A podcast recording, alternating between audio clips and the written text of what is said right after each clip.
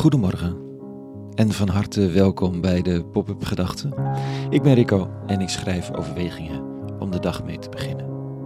Vandaag met de titel Wat ik heb is van mij, toch? Pop-up Gedachten vrijdag 10 maart 2023.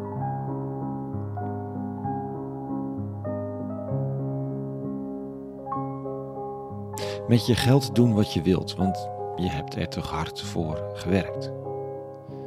Het klinkt logisch, en toch is het dat niet helemaal. Zonder tussenkomst van enig expliciet moreel gezag voelt het niet helemaal oké om alles wat je zelf hebt verdiend voor jezelf te houden. Dus betalen we belasting, geven we geld aan wie iets nodig heeft, zeker als er enige mate van ongelijkheid zich aandient. Je hebt net je salaris binnen en iemand anders vertelt van zijn of haar grote geldzorgen. Jij hebt geld verdiend, de ander heeft niet dat geld verdiend en toch voelt het alsof de ander op een bepaalde manier recht heeft op iets van jou. Moreel recht? Het is moeilijk te duiden. Het lijkt alsof de manier waarop we over dingen praten niet helemaal matcht met hoe het in de werkelijkheid voelt. En misschien is zo'n geldvoorbeeld wel een indicatie van een breder principe. Dat wat je hebt niet per se van jou is. En dat van jou niet automatisch betekent dat je ermee kunt doen wat je wilt. Theoretisch misschien wel, tuurlijk, je moet het zelf weten, maar in de praktijk lang niet altijd. Bijvoorbeeld in de mediadiscussies over de hardwerkende Nederlander die het verdient om een huis en alles te hebben, ja toch, versus de nieuwkomer, voel je de discrepantie. Heeft de hardwerkende Nederlander recht op huis en bezit? Of heeft de hardwerkende Nederlander verantwoordelijkheid voor degene die de toegang tot werk wordt ontzegd door allerlei bureaucratische omstandigheden en bijvoorbeeld een asielprocedure? Is de opbrengst van werken een recht of is het kunnen werken een voorrecht? Is een paspoort waarmee ik hier ben geboren een recht dat mij toegang zou moeten geven op een voorkeursbehandeling? Of is het een stukje extreem geluk wat mij de verantwoordelijkheid geeft voor al die mensen die op plekken geboren zijn waar er geen paspoort beschikbaar is? Of waar de paspoorten je het reizen en leven bijzonder moeilijk maken? Vandaag begint Jezus van Nazareth een verhaal met de volgende opening. Er was eens een landeigenaar die een wijngaard aanlegde. Hij zette er een omheining omheen, hakte een wijnpers erin uit en bouwde een wachttoren.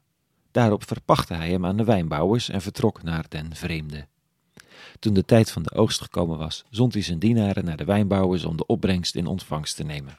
Maar de wijnbouwers grepen zijn dienaren vast, mishandelden de een, doodden de ander en stenigden een derde.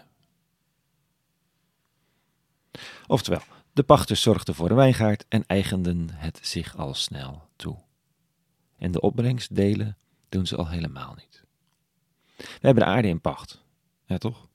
En de opbrengst met elkaar delen is al een crime. Laat staan als een onzichtbare eigenaar van de wereld, waarvan de meesten überhaupt niet in het bestaan ervan geloven, een deel van de opbrengst komt vragen. Het idee dat de wereld niet van ons is om mee te doen wat we willen, is enerzijds logisch, we voelen de hele tijd een moreel oordeel in ons hart en hoofd bij het gebruik van de dingen die van ons zijn. Anderzijds is het knap ingewikkeld, zeker als we hele toffe, winstgevende mogelijkheden zien met dat wat van ons is. Vandaag een vraag aan mezelf, aan alles wat ik voor van, vanzelfsprekend van mij veronderstel. Van mijn bankrekening tot mijn mogelijkheid om te werken, tot het geluk dat ik heb om samen met ons gezin hier te wonen al die dingen die me ofwel in de schoot zijn geworpen of waar ik hard voor heb gewerkt. Wat als ze niet van mij zijn, maar enkel in pacht, in beheer?